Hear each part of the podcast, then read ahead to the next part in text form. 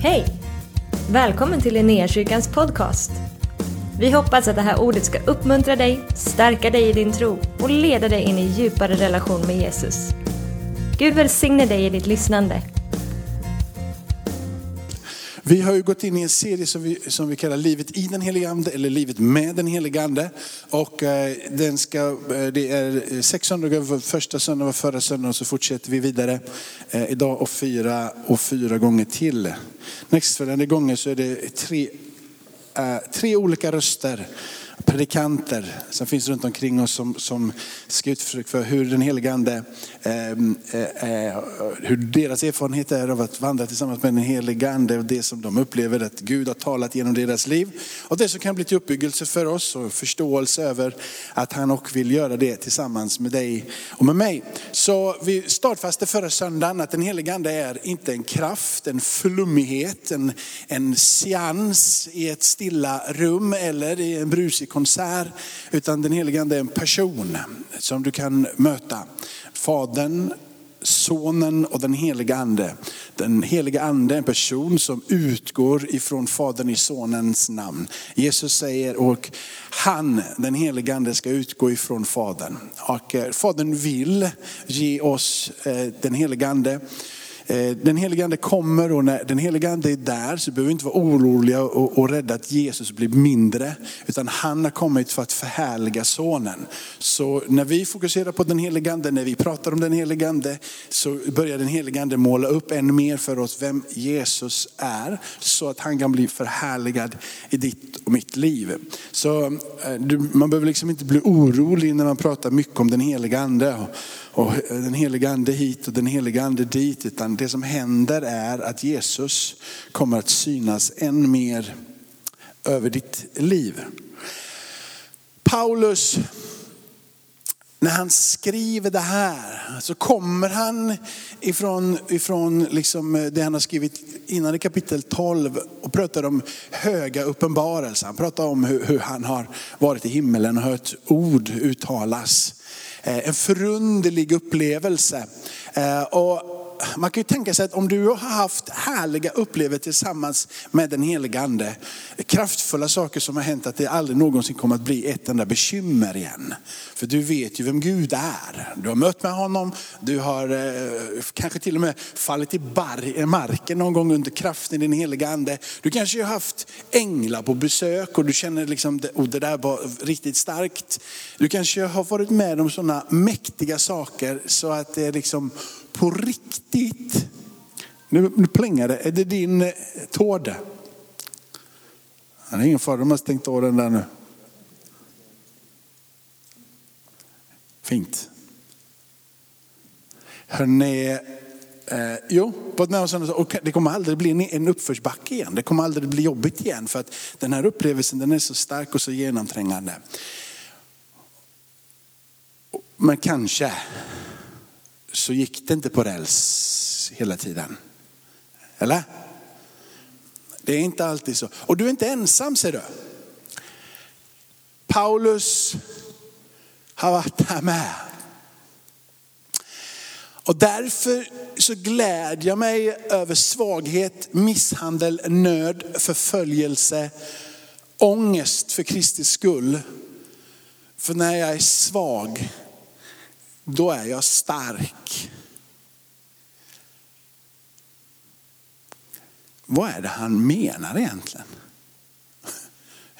Det finns ju inte någon av oss som gillar att vara svag.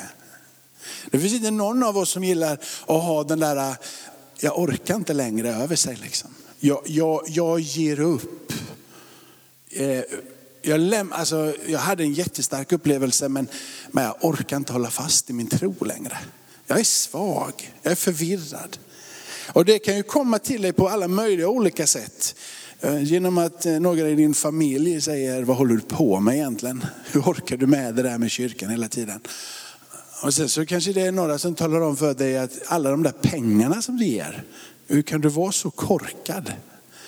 All den där tiden som du lägger i, i kyrkan, alltså, hur dum får du vara?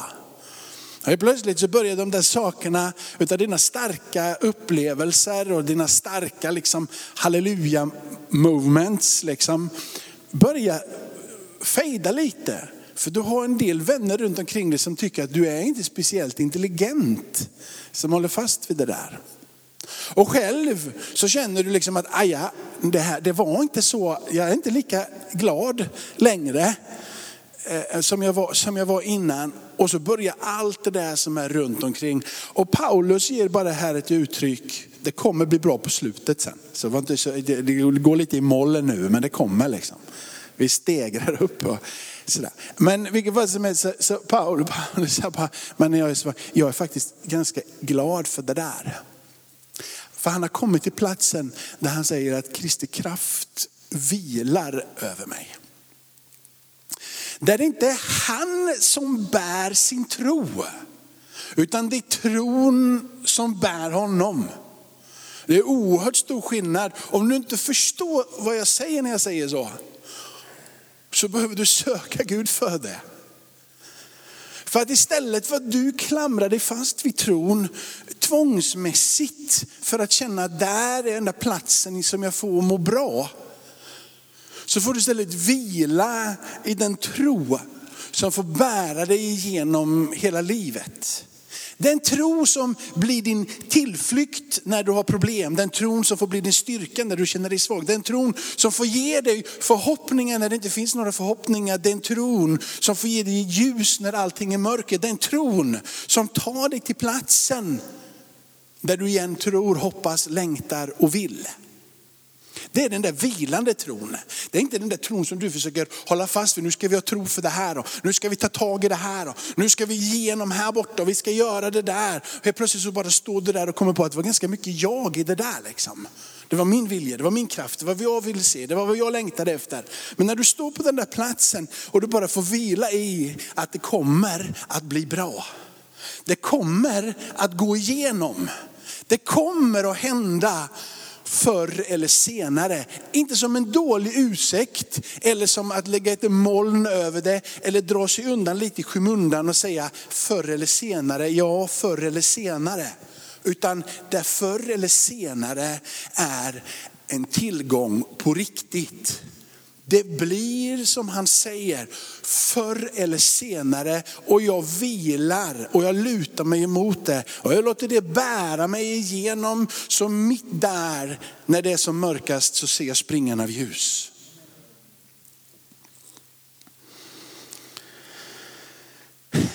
Det som, det som, om du är här och du har ångest, om du har ångest och du inte förstår vad det är, så är det bara mörker som kommer över dig. Men som Kristi strålglans kan låta försvinna. Och lära sig mitt i den där ångesten och djupa platsen utav förtvivlan, att ropa på det namn som är över alla andra namn. Det är vila i Kristus. Det är att inte kämpa så mycket för att mörkret ska försvinna, utan ropa på det som kan vara botmedlet som tar dig igenom. Helena berättade nu på morgonen att hon hade vaknat i natt och tyckte att hon hade en läskig dröm. Men så kom på sig själv att ropa namnet Jesus och, tala i tungor. Så kände hon att det var dit min tillflykt var. Inget kan stoppa mörker och förtvivlan. Men du kan ju välja vad din inriktning och din väg ut ur det ska vara. Där kommer en vila över dig. Den heliga ande, när han får utrymme och när han får plats, så är det precis det som, som händer som, som, som Helena gav ett uttryck för eh, utifrån sin dröm där. Att namnet Jesus är det namn som kommer upp. Och de där suckarna utan ord genom den heliga ande är vägen ut och vägen fram och vägen rakt igenom. Och Jesus själv är det som pratar om den här kraften. Jesus pratar om den här kraften, att den kan komma i mitt namn, att den kan vila över er. Han pratar om att den helige ande blir sänd, han som en person. Men Jesus säger till dem att den här personen, när han kommer in i era liv, så kommer han med kraft över era liv. Och det är så mycket kraft som finns i honom, så ni behöver inte att jag håller er i handen längre. Utan Jesus säger själv att vänta här i Jerusalem till den här kraften kommer över er. Och låt den få vila över er. Låt den här kraften få påminna er om allting som jag har gjort. Låt den här kraften få påminna er om vem jag är, hur stor jag är, hur mäktig och hur mycket auktoritet som det finns i det namnet. Så här står det i Jesaja. Och varför jag tar med den här texten är för att, vet du inte, har du inte hört att Herren är en evig Gud som har skapat jordens ändar. Och jag kan bara känna att det finns rätt mycket kraft i det där. Och det är inte någon kraft som bara kom nu med den heliga ande. Utan det är en kraft som alltid har funnits, en evig kraft. Och den finns i Guds namn och den utgår ifrån honom. Det är en källa till liv, det är en källa till förvandling. Det är ett ursprung oberoende utav allting annat, existerande i sig själv och all livgivande kraft. Och du ser, han blir inte trött. För han är kraft. Och han mattas inte. Hans förstånd kan inte utforskas. Han ger den trötte kraft och han ökar den maktlöse styrka. Och här har vi liksom dig och mig, ynglingar kan bli trötta och kan ge upp. Unga män kan falla. Men de som hoppas på Herren får ny kraft. De lyfter med vingar som örnar, de springer utan att mattas, de vandrar utan att bli trötta. Låt den ligga kvar där. Det här är liksom inget ord att sträcka sig efter.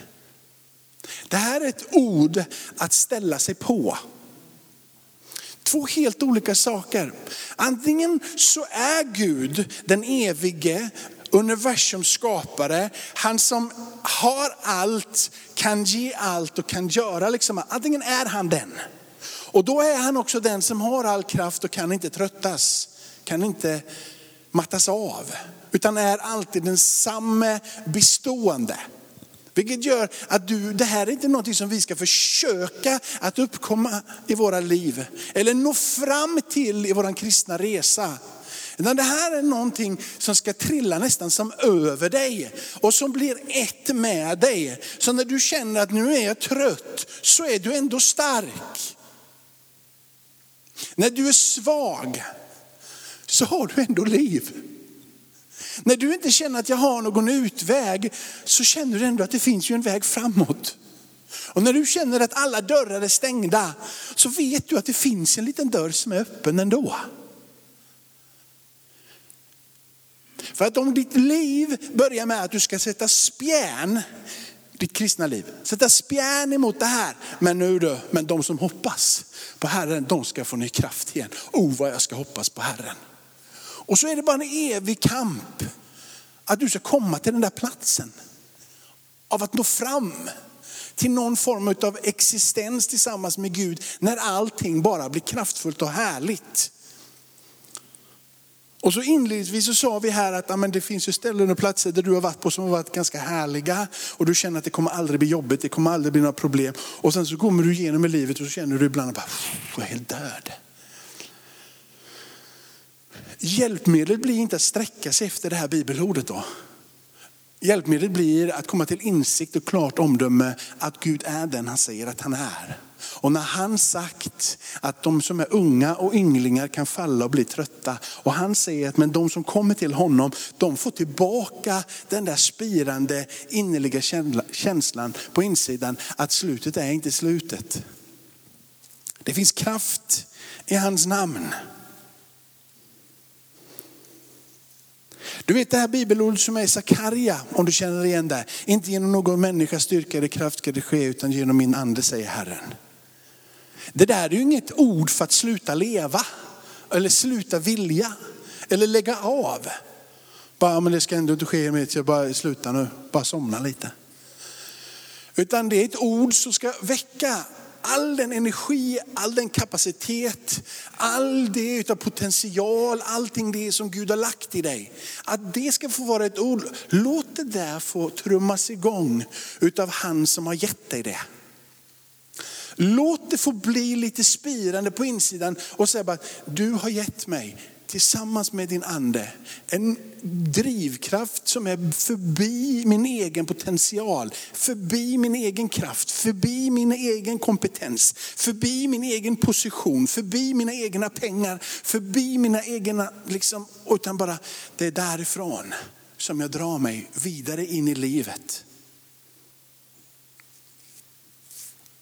När anden kommer över er ska ni få kraft. Den heliga ande stiger in i världen och blir en person. Och han talar till dig och mig och han visar sig för dig och mig.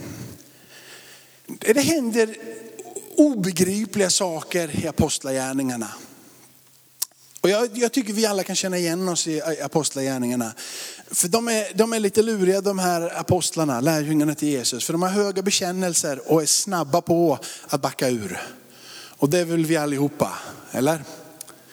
Jag vet många kristna som säger han är minsann. Och så sträcker de upp händerna och så går det två veckor eller tre veckor eller fyra år eller tio år.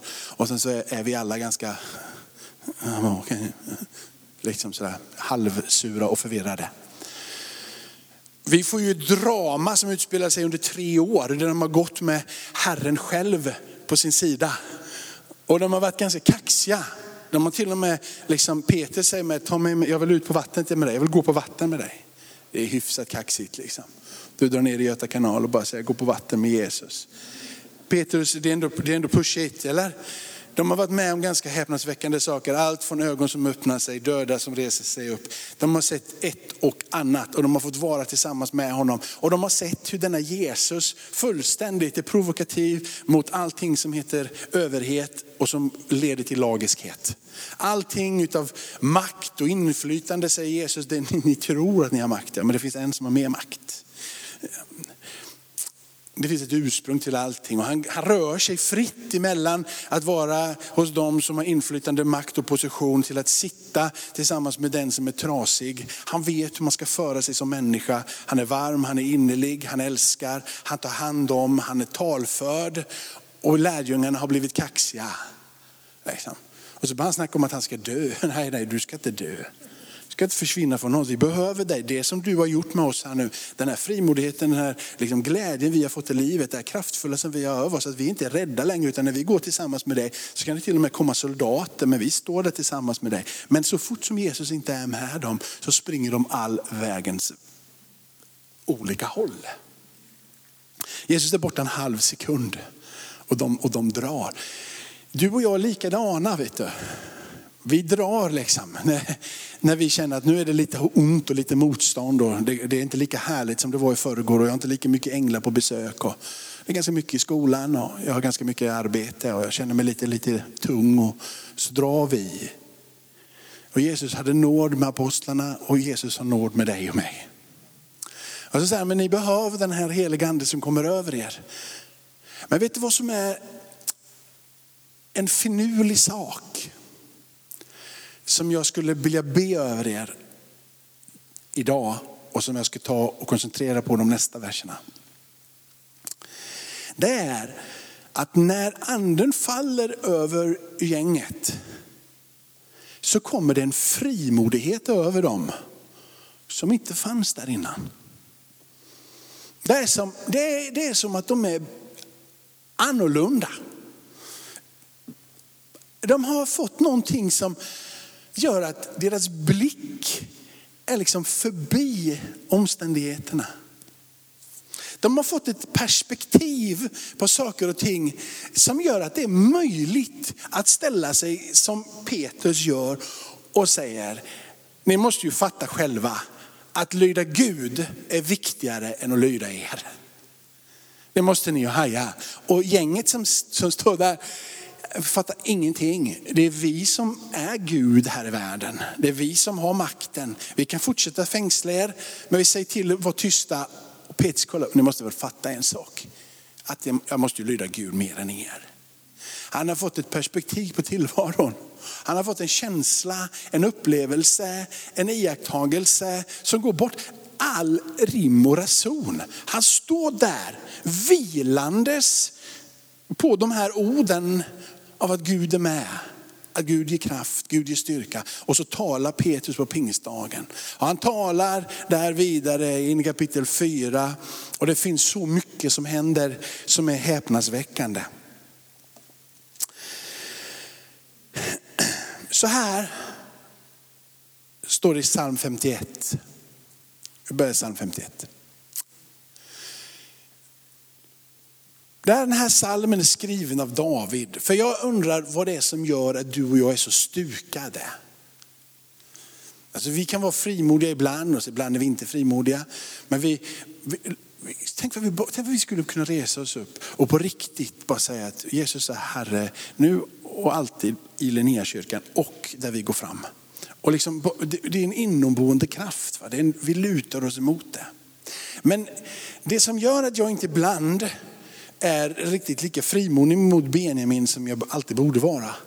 Det är ju ibland att jag tänker tankar som är dåliga om Benjamin. Jag tänker tankar ibland som gör att Benjamin inte blir liksom förlöst runt omkring för atmosfären blir lite trängd.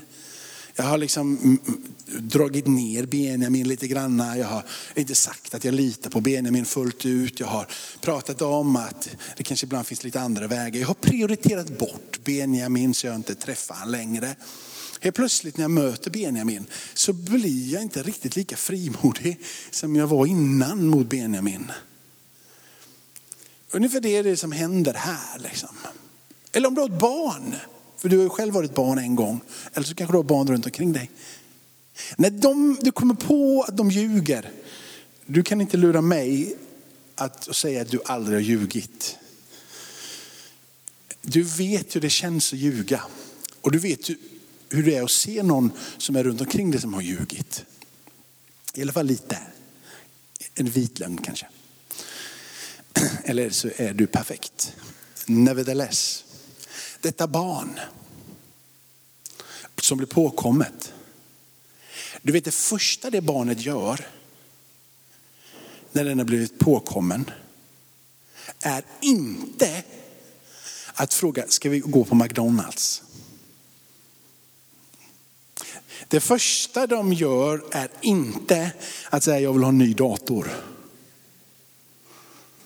Frimodigheten har försvunnit. De som var så kaxiga på morgonen och bara sa idag alltså, är det ett nytt dataspel som gäller. Och man får säga nej jag är inte säker på det. det du vet du köpte det till förrgår. Det kostar ganska mycket. Och de driver på sig jag vill ha det här, det här dataspelet. Och du bara säger nej de gråter och de tycker att vi är världens sämsta föräldrar. På eftermiddagen sen när man kommer på att de har ljugit. Du vet det där dataspelet, vet det är inte det första de tar upp. Du kommer ihåg i morse dataspelet, jag fortsätter nu. De har tappat hela sin frimodighet. De har tappat hela sin tyngd, hela sin kraft. Hela sin glädje i att komma till den platsen som har källan för att kunna förlösa det där tv-spelet. Ja, men de bara drar sig undan liksom. Hittar nya, liksom. men det finns någonting som är, det är det här som David pratar om. Han har gjort någonting som inte är rätt. Och han kommer till han som vet allt. Och när han kommer till han som vet allt, de får säga vad de vill i den här världen om att det inte finns synd. Men alla människor förstår skam. Och det är likställt med synd, bara det att man tror att man kan komma undan. Synd, jag gör som jag vill för jag kan ändå komma undan med det. Skammen, då har man blivit påkommen. Och den som är klipsk, ta den där skammen och låt inse att den enda som kan ta bort den där synden, det är han som dog på korset. Det bästa ett barn kan göra, det är att göra som, som David. Det är att dra sig till Gud och bara be förlåt. Jag, jag, jag behöver dig. Jag inser att det är lite stukat. Pappa, jag fattar att jag gjorde fel liksom, det är lite stukat. Men du vet, jag vill tillbaka. Kan, kan, kan, kan vi bli vänner igen? Kan, förlåta? Kan, kan vi göra någonting tillsammans? Och du vet att ett barn sen, det dröjer inte många minuter, för sen är klockan sju på kvällen och situationen var fyra på eftermiddagen. Och vi har haft en god stund så alla sår är läkta. Klockan sju på kvällen. Hur blir det med det tv-spelet? Liksom? Han har fått tillbaka en frisk ande. Han har fått tillbaka livslusten, han har fått tillbaka glädjen. Han har fått tillbaka, liksom, nu vill jag in i den här djupheten igen. Och på den här platsen han känner sin pappas kärlek och omsorg, så helt plötsligt kommer frimodigheten tillbaka och han börjar ställa saker. Jag bara vill ha det här. Va? Kan du ge mig det? Och David har fattat det här. Och det är vägen in att fånga upp den där frimodigheten, det där livet igen. Det är att komma dit och bara säga, skapa i mig ett rent hjärta och låt den här anden få komma över mig. Och ge mig på nytt den här frimodigheten till dig Gud.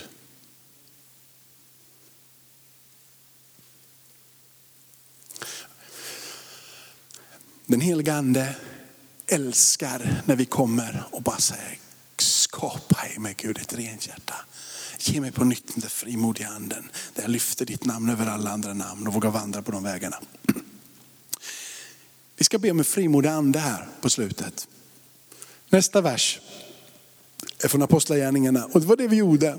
Och det som är hemligheten här, när de såg hur frimodiga Petrus och Johannes var märkte de att de var olärda män ur folket. Och det är det här som är så förunderligt.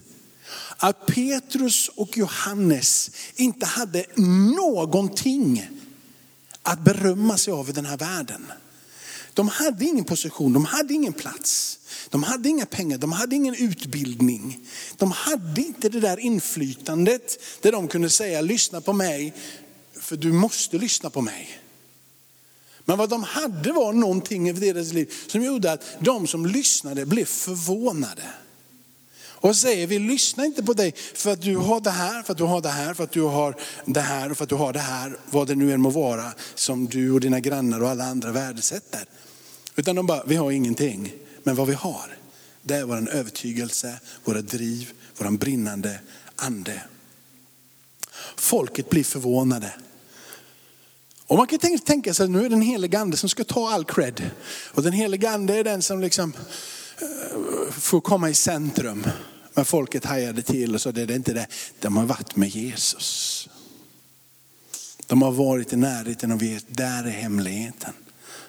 Utan att förstå det så i den här texten så säger det att allting kommer med Jesus. Jag ska be Fadern och han ska sända er en annan hjälpare i mitt namn. Allting dras, hur du än vänder och vrider det, tillbaka till det ljuvliga korset och allting som strömmar därifrån. Vi ska be att vi ska få den där frimodigheten över. När de såg hur frimodiga Petrus och Johannes var. Nästa vers. Ifrån Hebreerbrevet.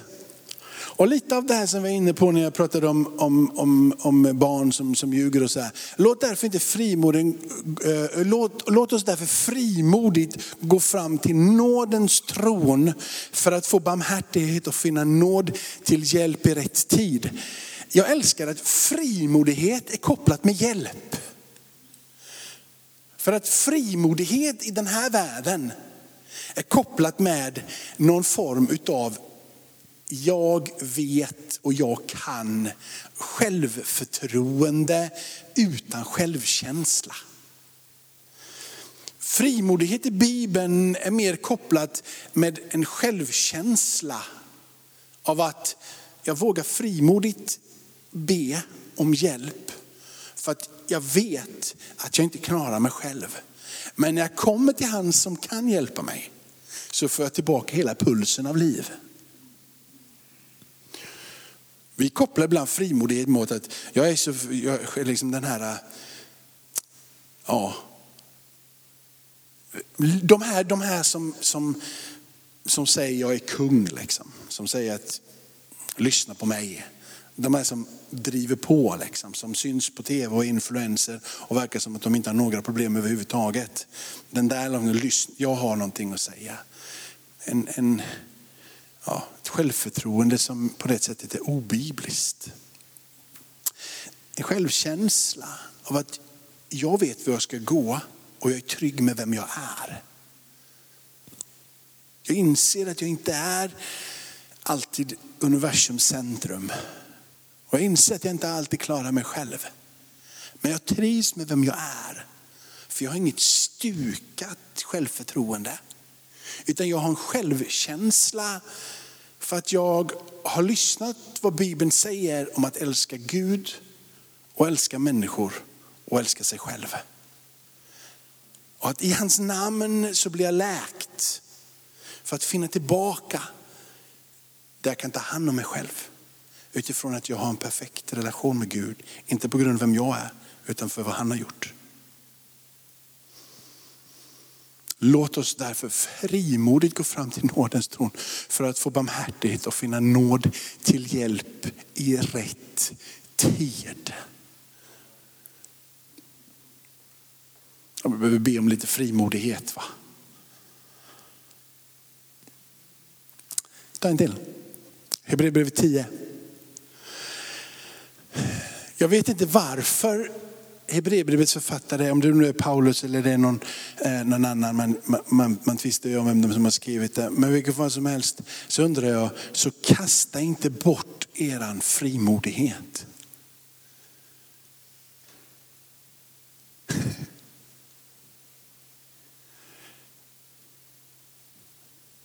Behöver ni en bild? Liksom, det är, ta barnet igen. Det är bättre att det där barnet förstår att ens pappa älskar honom. Liksom. Alltså om jag inte fortsätter köta, det blir inget tv-spel ikväll kanske. Och det blir ingenting imorgon. Men fortsätter jag tillräckligt länge så kommer det. Var så säker. Det finns ingen pappa eller mamma som kan stå emot i all evighet. Om du, äh, men på det, har ni provat?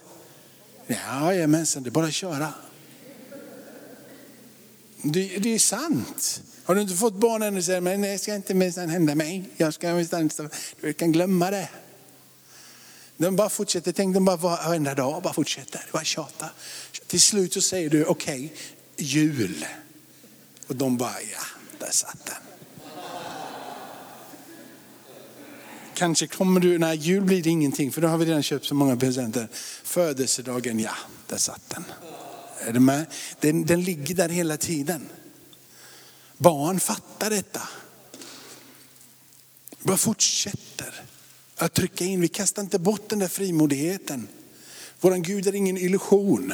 Vi står fast där. Inte som att krampaktigt hålla fast vid och jaga efter, utan luta och vila i. Och låta det få bära oss och låta det få motivera oss och låta oss få ta det till platsen. Ja, du vet att den där uthålligheten, den, den, den, den vet i alla fall Elton vad det är. Min son, vet du, han kommer alltid och så säger pappa, vi behöver prata om en sak. Okej, okay. då vet du, det är något han vill ha. Så börjar han, så han är smart va. Passar det nu? säger han. Nej, passar inte nu. När passar det? Och så får vi bestämma en tid. Då passar det att du kommer. Han har insett att man, man får tjata, för jag har sagt att man får tjata. Jag har sagt att man får hela tiden ligga på. Men, men jag avgör när vi pratar om det lite. För att annars kan det bli liksom hela tiden. Han fattar det. Så jag säger, kom då. Det är som vi bestämmer träff när han får tjata liksom. Det är skitbra. Eller? Och vet du vad Gud älskar? Att bestämma en träff med dig. Det är ju fantastiska stunder. När du får sitta med din son och prata om de där grejerna. Varför ska han kasta bort sin frimodighet? Varför ska han kasta bort sina önskningar? Varför ska han kasta bort sin, när han kan komma och bestämma träff och få umgås med sin pappa och lägga fram det som han mest av allt vill ha. Det är ju ett begär. Liksom, sådär, va? Men det är ju samma sak med dig. Det är någonting du vill ha ut av Gud.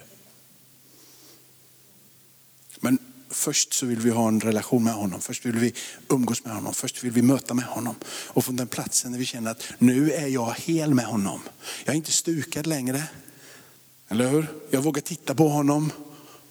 Och när jag vågar titta på honom så vågar jag fråga honom. När jag vågar röra mig mot honom så har jag frimodigheten att göra det.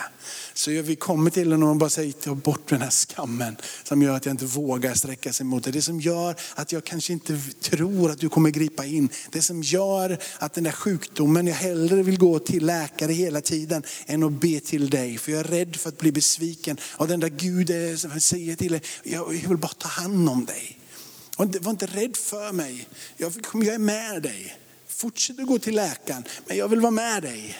Jag vill att du ska förstå mig, jag vill att du ska känna mig. Och utifrån den platsen så kan vi frimodigt bara fråga och fråga och fråga. Och helt plötsligt förr eller senare så har Gud öppnat ett fönster ifrån himmelen.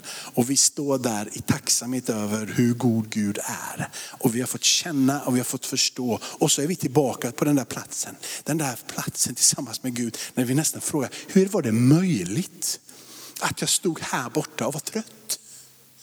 Hur är det möjligt att jag stod här borta och var förtvivlad?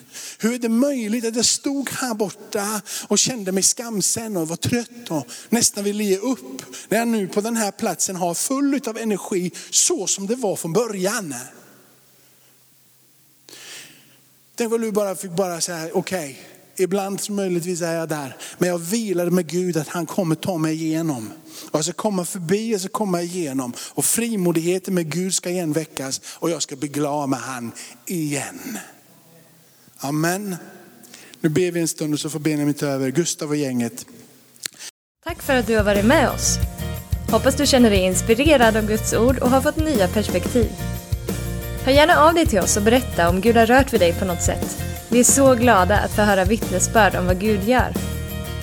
Du kan mejla oss på adressen info och dit kan du även mejla om du har ett böneämne som du önskar att vi ber för.